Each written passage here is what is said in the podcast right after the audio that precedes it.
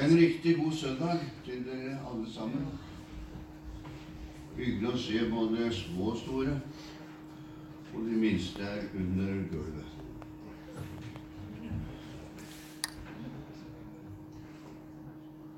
Vi lever i en underlig tid. En vanskelig tid for mange mennesker. Mange mennesker får eh, problemer med den tiden vi lever i. Og det er ikke så rart heller. For det er en tid som eh, i hvert fall aldri jeg har opplevd. Og jeg tror neppe noen av dere har opplevd det heller. Så er det slik at den tiden, den eh, berammer ikke bare Norge. Den berammer hele verden. Så hele verden, den er altså berørt av dette som vi holder på med. Det at ikke vi har noe motgift til dette, er også alvorlig for veldig mange. Så vi får bare be til Gud at de eh, klarer å finne noe. Så får vi bare be til Gud at vi ikke blir smitta sjøl. Så får vi ta de forholdsreglene som eh, er nødvendig å ta, slik at vi kan eh, slippe å få noe sånt. I formiddag så skal vi se på hvilken måte Jesus arbeider med oss, og på den flotte, milde måten han gjør det for å få oss dit han vil. Da skal du slå opp med meg, hvis du har Bibelen med, i Jeremias kapittel 18. Og vi skal se litt på hvordan Jeremias får hilsen ifra Herren. Gud han bruker mange måter å lære folk på. Han bruker mange måter å gjøre det. Han vil helst lære oss igjennom det gode. Han vil helst gjøre det. Men det hender av og til at han må lære oss gjennom det onde òg. Og Dermed så sier Bibelen at til fred ble det bitre. Det hender av og til at vi må gå noen omganger, noen omveier, for at Gud får plassert oss der Han ønsker å ha oss. Gud han arbeider med oss fordi han har tenkt å bruke oss. Samtidig så har han tenkt å skjerme oss, hjelpe oss, så vi når himmelen. Og Derfor bruker han mange metoder for å få det til. Jesus han er veldig glad i hver eneste en av oss. Han elsker hver eneste en av oss. Bakgrunnen vår har ingenting å si for Jesus. Han elsker oss slik som vi er. Og så begynner han alltid på nytt. Det er det som er det fantastiske med han. Han begynner alltid på nytt. Han lapper ikke på det gamle. Slik som jeg gjør noen ganger når det har gått noe i stykker, så finner jeg noe sånn sterk lim, og så limer jeg det sammen igjen. Sånn gjør ikke Jesus. Han gjør noe nytt. Starter på nytt igjen. Og det er det som er så fantastisk. Får en ny mulighet, en ny anledning. Og det som er så underbart med Jesus, det er det at han har en egen evne til å glemme det som er bak. Den evnen har ikke vi alltid. Og djevelen, han er en veldig flink mann til å puffe på det som ligger bak. Men eh, Jesus han har glemt det som ligger bak. Og det er helt fantastisk. Han er ikke slik som vi av og til. Når våre barn gjør noe gærent, så tar vi dem og refser dem litt.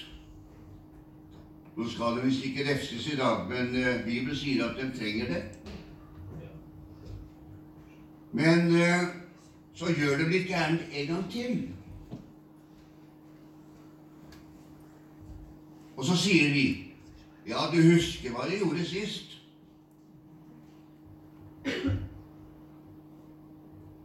Da hadde vi altså ikke tilgitt. Og barna våre kan gjøre noe galt, og så ber de om tilgivelse. Og da er det viktig for oss at det er tilgitt, og det ligger bak. At ikke det blir dratt fram igjen. Men vi har så lett for å dra det fram og si at ja, 'jeg husker åssen det var sist'. Sånn er ikke Jesus.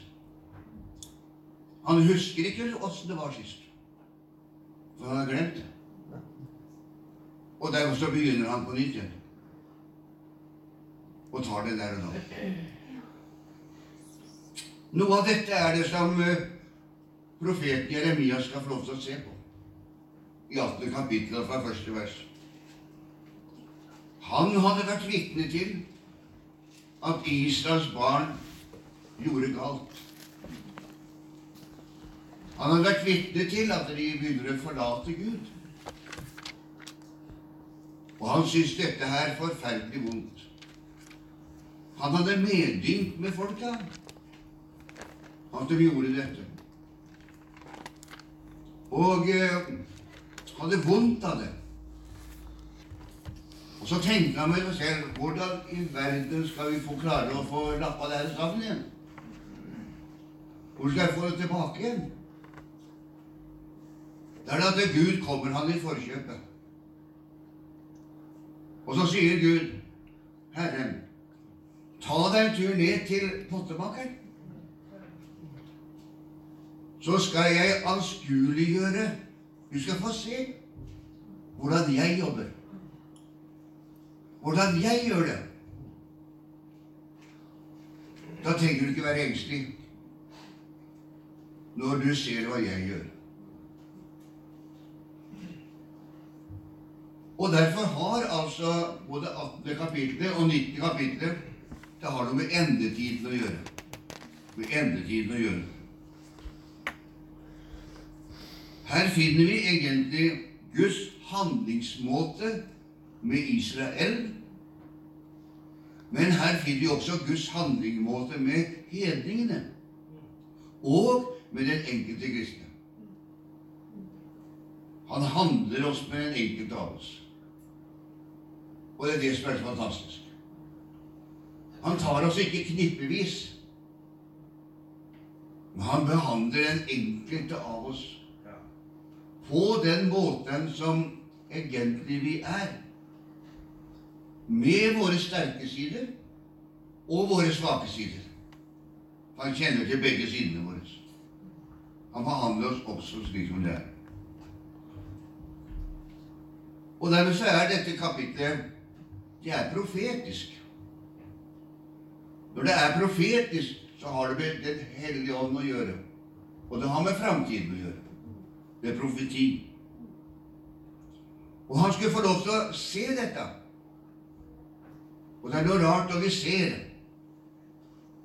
Et annet sted står det i Bibelen Hva ser du, profet? For det vi ser så Flyt var inne på det vi ser i Guds ord, det gjør noe med oss. Det gjør noe med oss. Det vil prege oss. Og derfor er det viktig at vi ser rett. Når du og jeg tar imot Jesus, så viser Den hellige ånd oss hva vi er, og hva Jesus har gjort for oss. Hva vi er. Og det er så smertefullt. Fordi at han viser oss egentlig ikke bare den fine siden av oss, han viser også den stygge siden av oss. Hva vi er. Men han stopper ikke der. Han viser oss hva Kristus har gjort for oss, og hva vi kan bli. Er ikke flott? Hvis han hadde stoppa bare ved hva vi er, så hadde det vært krise. Både for deg og meg. Men fordi at han har makt til å gjøre noe med situasjonen vår. Han er den eneste som har makt til å forandre situasjonen vår. Djevelen han er en tusen kunster på mange måter. Han vet ikke alt. Han prøver å hindre oss å se dette. Han maler bare svarte streker. Og du vet at svarte streker dekker veldig mye over lyse streker. Og han bruker svartmaling som grunnfarge. Men det gjør ikke Gud. Han bruker hvitmaling som grunnfarge. Det er det som er fantastisk. Da ser du bare hvitt. Og det hvite, det har med fullkommenhet å gjøre. Renhet å gjøre. Da ser du bare hvitt. Og Derfor så arbeider Jesus på denne måten. Så i Jesu øyne er du ren. Det er fantastisk. I Jesu øyne er du rein. I djevelens øyne er du sprikkete. Du har lite grann sier Du har lite grann sier Men i Jesu øyne har du ingenting av det. Du er rein. Hvorfor det? For han gjorde et fullbrakt verk. Og din renhet er Jesu renhet. Det er det som er så fantastisk. Det er Jesu renhet du får lov til å presentere. Og pottemakeren, han fikk se. Profeten fikk se. Og jeg sa det gjør noe med oss. Og hva er det vi ser når vi kommer til Jesus? Jo, vi ser hans herlighet. Den herligheten som han hadde fra sin far. Og hva består den herligheten i? Den består av noe så fantastisk som nåde og sannhet. Det var den herligheten de så. Og den fantastisk herlighet for en synder som meg og deg. For en herlighet! Å se renheten. Å se nåden og sannheten. Da kjenner vi oss glade.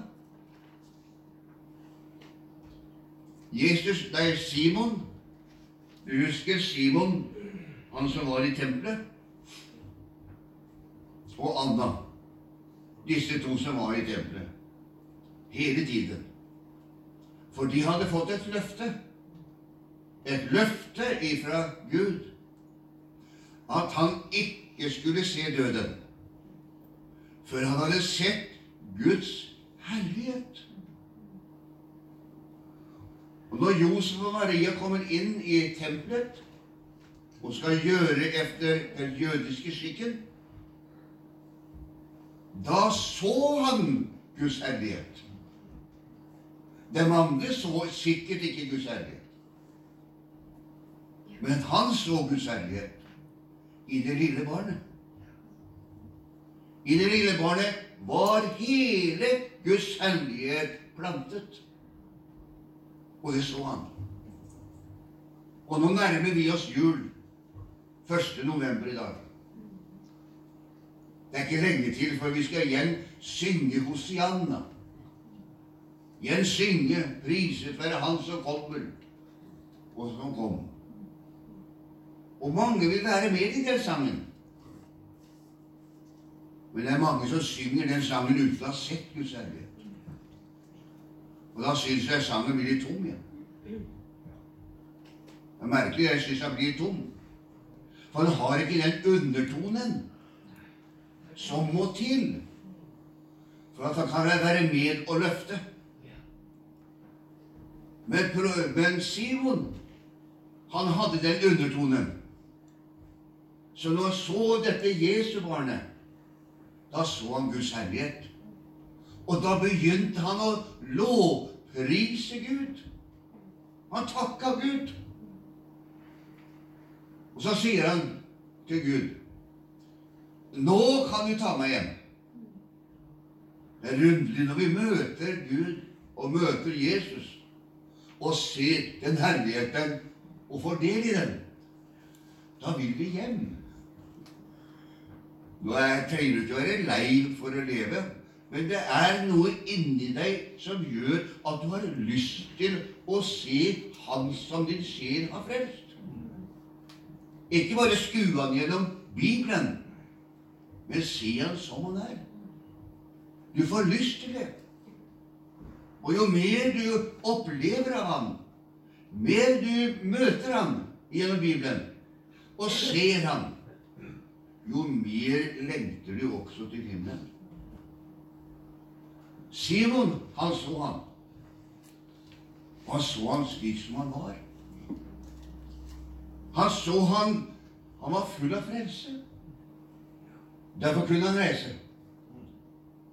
Og så sier han så fantastisk Dette barnet skal være en rik velsignelse for hedningene. Han begynner med hedningene. Normalt kanskje ville sagt han burde begynt med sitt eget folk. For frelsen kom jo fra jødene. Og det var jo jødene som hadde brakt han inn, da, for han var jo fremkommet gjennom en jødisk mor. Så han burde jo tenkt seg å snakke om jødene, og ikke hedningene. Som hadde ikke del i verken løfter eller noen ting. Men han talte på Guds vegne. Og da begynner han med hedningen, for han visste Gud visste at de kom til å forkaste ham som jøder. Og at Gud måtte skifte bord og gå over til hedningene og vinne hedningene for sitt navns skyld. Først. Og så vender han tilbake igjen til jødene. Og derfor sier Simon det. Det skal bli en rik velsignelse for hedningene. Men så glemmer han ikke sitt eget folk. Så når den velsignelsen har gått til hedningene, og de har tatt imot den og gjort seg nytt av den, da skal velsignelse igjen vende tilbake igjen til løftesfolket. Og de skal få den velsignelse som Gud har lovet dem igjennom Skriftene. Han hadde ikke glemt dem. Og dermed så måtte Gud vise Jeremias at det er ikke slutt på folket ditt.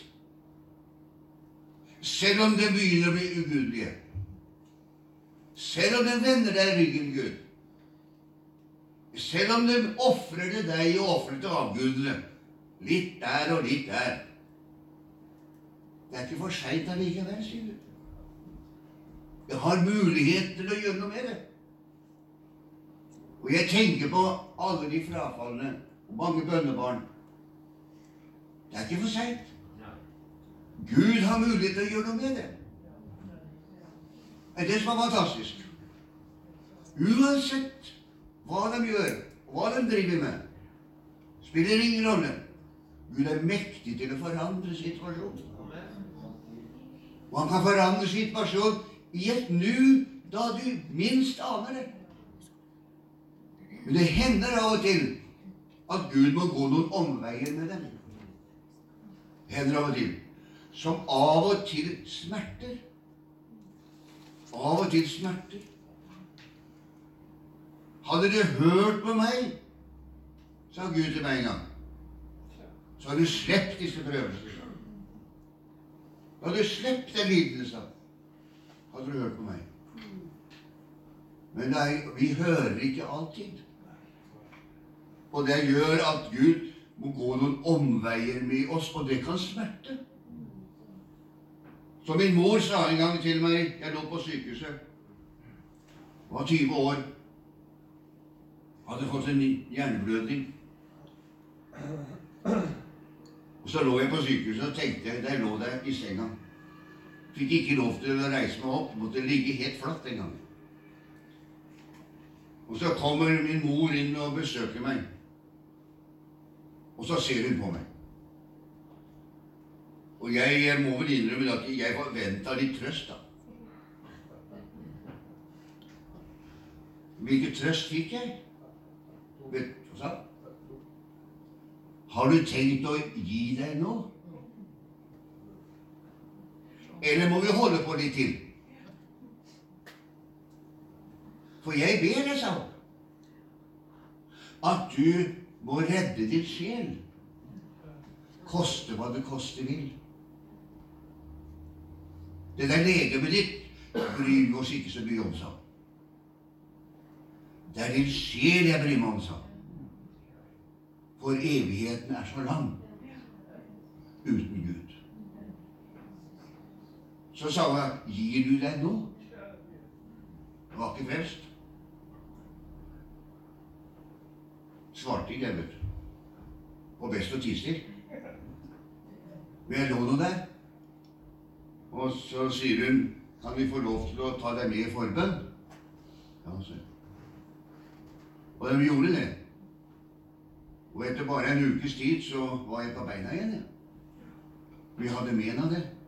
Og jeg har men av det en dag i dag. Blir jeg sliten, så mister jeg hukommelsen. Det vil si, da detter det noe ut.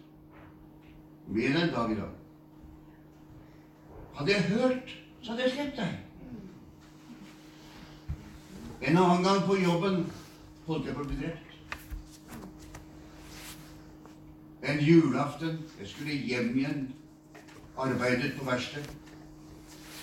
Jeg skulle bare feste en, en bolt på en veihøvel. Så står det en venn av meg og skulle løfte denne framskjæren på veihammeren. Og jeg krabba under og skulle feste bolten. Så holder han på knappen. Og så begynner han å løfte skjæret. Og det var greit. Men han glemte å ta fingeren vekk fra knappen. Så han begynte å løfte hele maskinen. Og det var ikke jeg laga til. Så det sa pang. Før det sa pang, tiendedel av sekunder, for dette går fort, hørte jeg en stemme fra høyre side som ropte 'Torstein, snu deg!' Og jeg bråsnudde meg. Og skjæret kom ned igjen i en fart uten like. Armene skrensa ryggen min, og skjæret traff beinet og knuste det. Hodet ble ikke knust, for det hadde, blitt, hadde lå der ti sekunder før. Men beinet ble knust. Hatt men av det siden. Hatt men av det siden. Går med stiv ankel. Gir du deg nå? hørte jeg. Gir du deg nå? Jeg vil. Det tok enda en stund til før jeg ga meg. Før jeg ga meg. Gud går noen runder med oss hvis vi ikke hører. Ikke for å være slem, men for å redde vår sjel. Han er så glad i oss at han vil redde sjelen vår, så vi når fram til himmelen. På grunn av våre fedres bønner. Så våre fedres bønner og dine bønner, mor og far, har kolossal virkning innenfor Gud. Kolossale virkninger innenfor Gud. Den har sånn virkning at den forandrer verdenssituasjonen. På virkning av den. Og jeg har ikke det. Så det er fantastisk. Og det var noe av det pottemakeren skulle se. Når han gikk ned i protomålet si. Det var altså så langt kommet i Israel at det var ingen redning tilbake, synes han. Den gråtende profeten. Han gråt over Israels situasjon. Og kanskje du, mor og far, gråter over din situasjon. Det er godt å gråte innenfor Herrens åsyn. For Gud, han syns synd på deg. Han syns inderlig synd på deg. Derfor ønsker han å gripe inn og hjelpe deg om. Så det du ber om, skal bli en realitet. Det er det som er så fantastisk.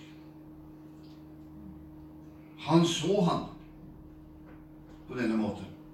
Simon fikk se barnet, glede seg og var rede til å komme opp til himmelen.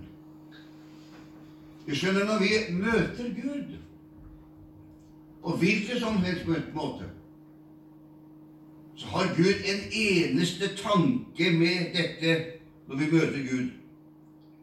At vi skal få en ny opplevelse av Herren. Det er derfor han møter oss på de forskjellige møtene. Han, vi skal få en ny opplevelse. Vi skal få se han enda klarere enn han er for oss i dag. Og jo klarere vi klarer å se han, jo bedre er det. Fordi at større tillit får vi til ham. Før vi begynner å lære ham å kjenne. Og Derfor så Bibelen sier at ingenting er umulig for Gud. Det som er umulig for mennesker, er mulig for Gud. Så det er ikke håpløst. Og hvorfor gjør han det på denne måten? Jo, han vil hjelpe oss så vi får et blikk på ham, så vi kaster all vår bekymring over på ham. Å gå og være bekymret er forferdelig. Jeg husker da min datter var i 17-årsalderen, 18-årsalderen. Jeg var bekymret. Så ville hun det, og så ville hun det. Og jeg vet hvor mange ganger jeg leita henne opp. Og en dag så sier hun til meg 'Pappa', sa hun, 'jeg skjønner ikke hvordan du klarer å filme', jeg, sa hun. Nei. Nei, det skjønner ikke du, sier jeg. Og jeg skjønner det. For jeg har en der over som alltid vet hvor du er. Og jeg vet det han, jeg. Og han viser meg veien alltid. Så jeg finner det alltid, sier Så når ikke du kommer hjem igjen på den klokkeslett den tiden vi har avtalt, da er far på vei ut. Det var ganske stygt. Da er jeg på vei ut. Og noen ganger syntes hun det var trist. Flaut. Der kommer disse faren. Flaut. Men i dag takker hun meg. I dag takker hun meg for at jeg brydde meg. Selv om hun var aldri så sint. Det var pappajenta likevel, men aldri så sint. Hun takka meg for at jeg brydde meg. Og i dag gjorde hun akkurat det samme med sine barn. Jeg så meg sjøl igjennom henne med sine barn. Og hvorfor er det møte med Gud? Jo, fordi at vi skal bry oss om andre. For når vi får et møte med Jesus, så bryr vi oss om andre med en eneste gang. For det møtet med Jesus blir ikke bare et møte for meg og meg aleine. Det blir et møte for meg og for de som bor rundt omkring. De blir preget av det. Og derfor trenger vi den åpenbarelsen. Og Moses han har oppdaget det her. Så han fant ut det, han. Vandrer med Gud at Gud var ikke bare i himmelen. Jesus var ikke bare i himmelen. Men han hadde noen armer som var også nede på jorda. Og Derfor sier han en tilflukt er den evige Gud, og hans nede er det evige armer. Som omslutter oss, holder oss oppe, og som hjelper oss. Fantastiske armer. Slik er Gud. Pottemakeren arbeider på skiven. Og vi må jo si at det, vi må være takknemlige for at det ikke gikk til en butikk. Der pottemakeren hadde bare ferdiggjorte utstillingsvarer som var ferdigbrente. For er de ferdigbrente, får ikke pottebaker gjort noe med dem. de må nødt til å være på skiven. Hvis Potterbankeren skal gjøre noe med det. Og derfor så ble han henvist til verkstedet. Til verkstedet. Og det er herlig så lenge vi er på verkstedet. For da har han mulighet til å forandre på situasjonen. For der kan han jobbe. Og vår redning Og det var det profeten fikk se òg. Vår redning er at eh, leiren lå på skiva. Vår redning er at vi ligger på skiva. På dreieskiva. Det er vår redning. For da får han gjort noe med det. Og gjort noe med oss. At han ikke har forkastet oss. Det er det som er fantastisk. Denne leirklumpen, denne leirklumpen som er deg og meg, den har en hel del svakheter. Vi er ikke så sterke som vi tror vi er noen ganger. Vi er mange ganger svake. Og det merker vi mange ganger. At vi er så svake at vi, vi faller igjennom. Uff, at jeg skulle gjøre det, da. Uff, at jeg ikke klarte å stå imot der, da. Det er med svakhet å gjøre. Men det visste pottemakeren. Det visste Jesus, at vi var slik. Og derfor så begynner han å jobbe med leiren for å gjøre det sterkt. Det er det som er faktisk. for å gjøre leiren sterk. Og så peller han vekk ting som ikke skal være Ja, for det òg. Han gjør det. Han er den eneste som kan klare å pelle vekk det som ikke skal være der. Og vi har så lett for å ta med oss ting som skal være der.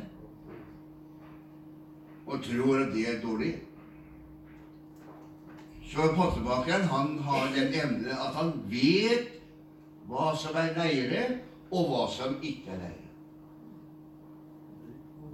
Han vet akkurat det.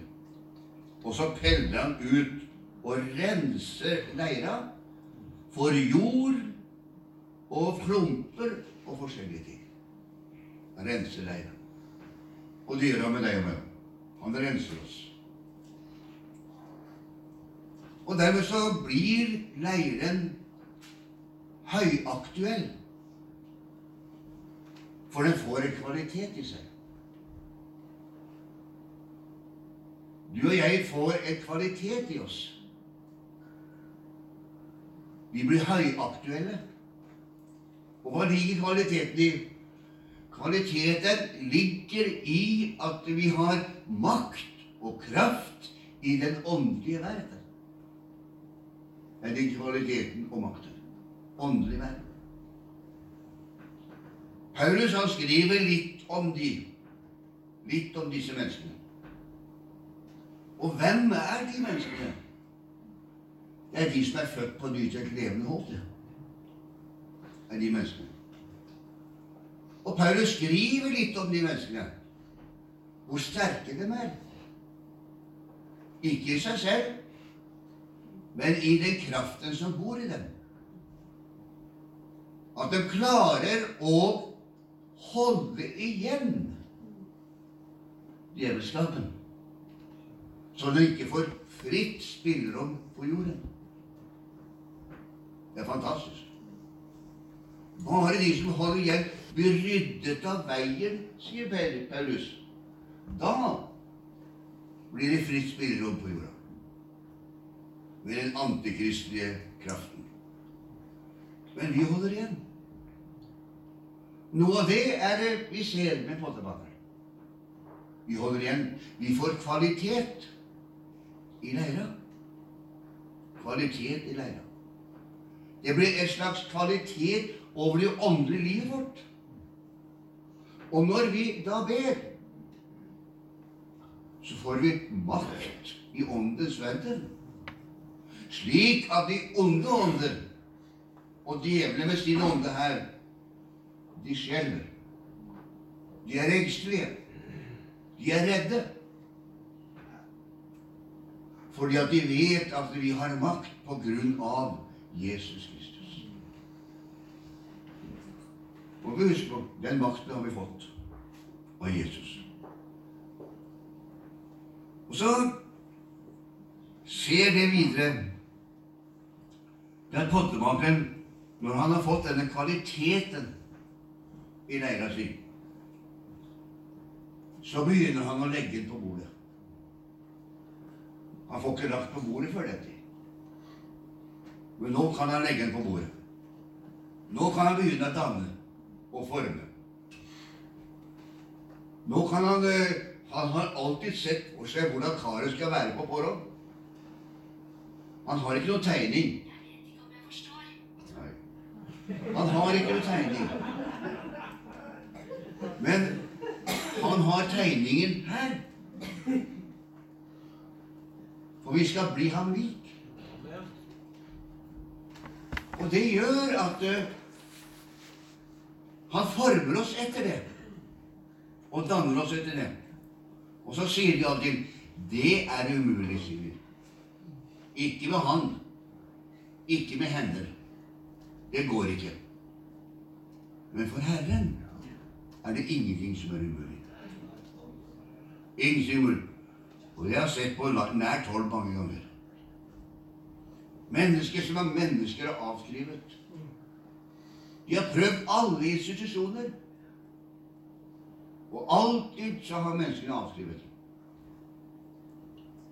Men når det kommer til Jesus, så blir de ikke avskrevet. Men de blir tilskrevet. Og kommer inn i samfunn med Han i stedet. Og det blir forandring. Det blir forandring. Problemet pottebakeren nå blir lagt på skiva. Nå skal det jobbes med. Og det er på skiva han arbeider med oss. Og så kan vi jobbes med. Det er bare det at om man ligger på skiva, så er det en hel del ting med den leiren som gjør at han er litt hard. Og det kommer luft opp. Bibelen sier om Israels folk de er et hardnakka folkeslag. Men det er vi òg. Som frelste mennesker. Vi er et hardnakka folkeslag. Og derfor må han arbeide ekstra med oss. Og hva gjør han for å få det til? Postebakeren gjør det veldig enkelt. Og Gud har alltid gjort det enkelt. Han dypper oss i vann. Og da blir leira mjuk. Dypper oss i vann. Vannet gjør at leira blir bløt. Og når vi blir bløte, vet du, blir vi gode med å gjøre òg. Ja, vi blir feilige, vi blir gode med å gjøre, vi blir bløte. Det gjør pottebakeren med leira. Dypper. Og Bibelen har et ord for det. De kaller det for et vannbad i jord. Kaller dem det. Altså vannet og ordet gjør at leiren blir myk. Og vannet og ordet gjør at vi blir myke. Vannet vanner oss, og ordet former oss. Så blir vi myke. Gode å ha med å gjøre. Så arbeider han, og så skal han få sving på dette her, da. Da får han hjelp. Og hva er det Jesus sier i Nytestamentet? Jeg skal sende igjen til dere en person som vi kaller for Den hellige ånd. Den tredje personen i guddommen. Jeg skal sende han, jeg. Så sier Bibelen at han skal tale til dere. Har du merka det når du leser Guds ord, og åssen ånden taler til deg? Og han skal herliggjøre meg. Det var det andre. Han skal tale, herliggjøre, og så skal han åpenbare Skriftene for oss. Så vi kan få se hva han har gjort, og hva han er og kommer til å bli hos oss. Fantastisk. Helt fenomenalt, syns jeg. Og derfor så bruker han disse to hjula. Det øverste hjulet, hvor leiren ligger på, og det underste hjulet, hvor han bruker farten på for at krukka, leirklumpen, skal gå rundt. Og det som er så fantastisk Det er ikke verken jeg eller du som bestemmer hvor fort det skal gå. For hvis det hadde stått til oss, vet du, så ville de gjerne gjort det så fort at det skulle gjerne gjort det Han skulle gjerne vært slik som vi ville dagen etterpå. Og det var mye av i før mange ganger. Det var om å gjøre for pynta dem utvendig, så de så ut som pinsevenner. Ja, hva er det om å gjøre? Hvordan så ut på innsiden, det var ikke så farlig. Men bare var strigla på utsiden, så det sto i stil med det vi sto for. Men sånn er ikke Gud. Han begynner på innsiden, han. Og så skal det indre stå i stil med det han står for. Det er det som er.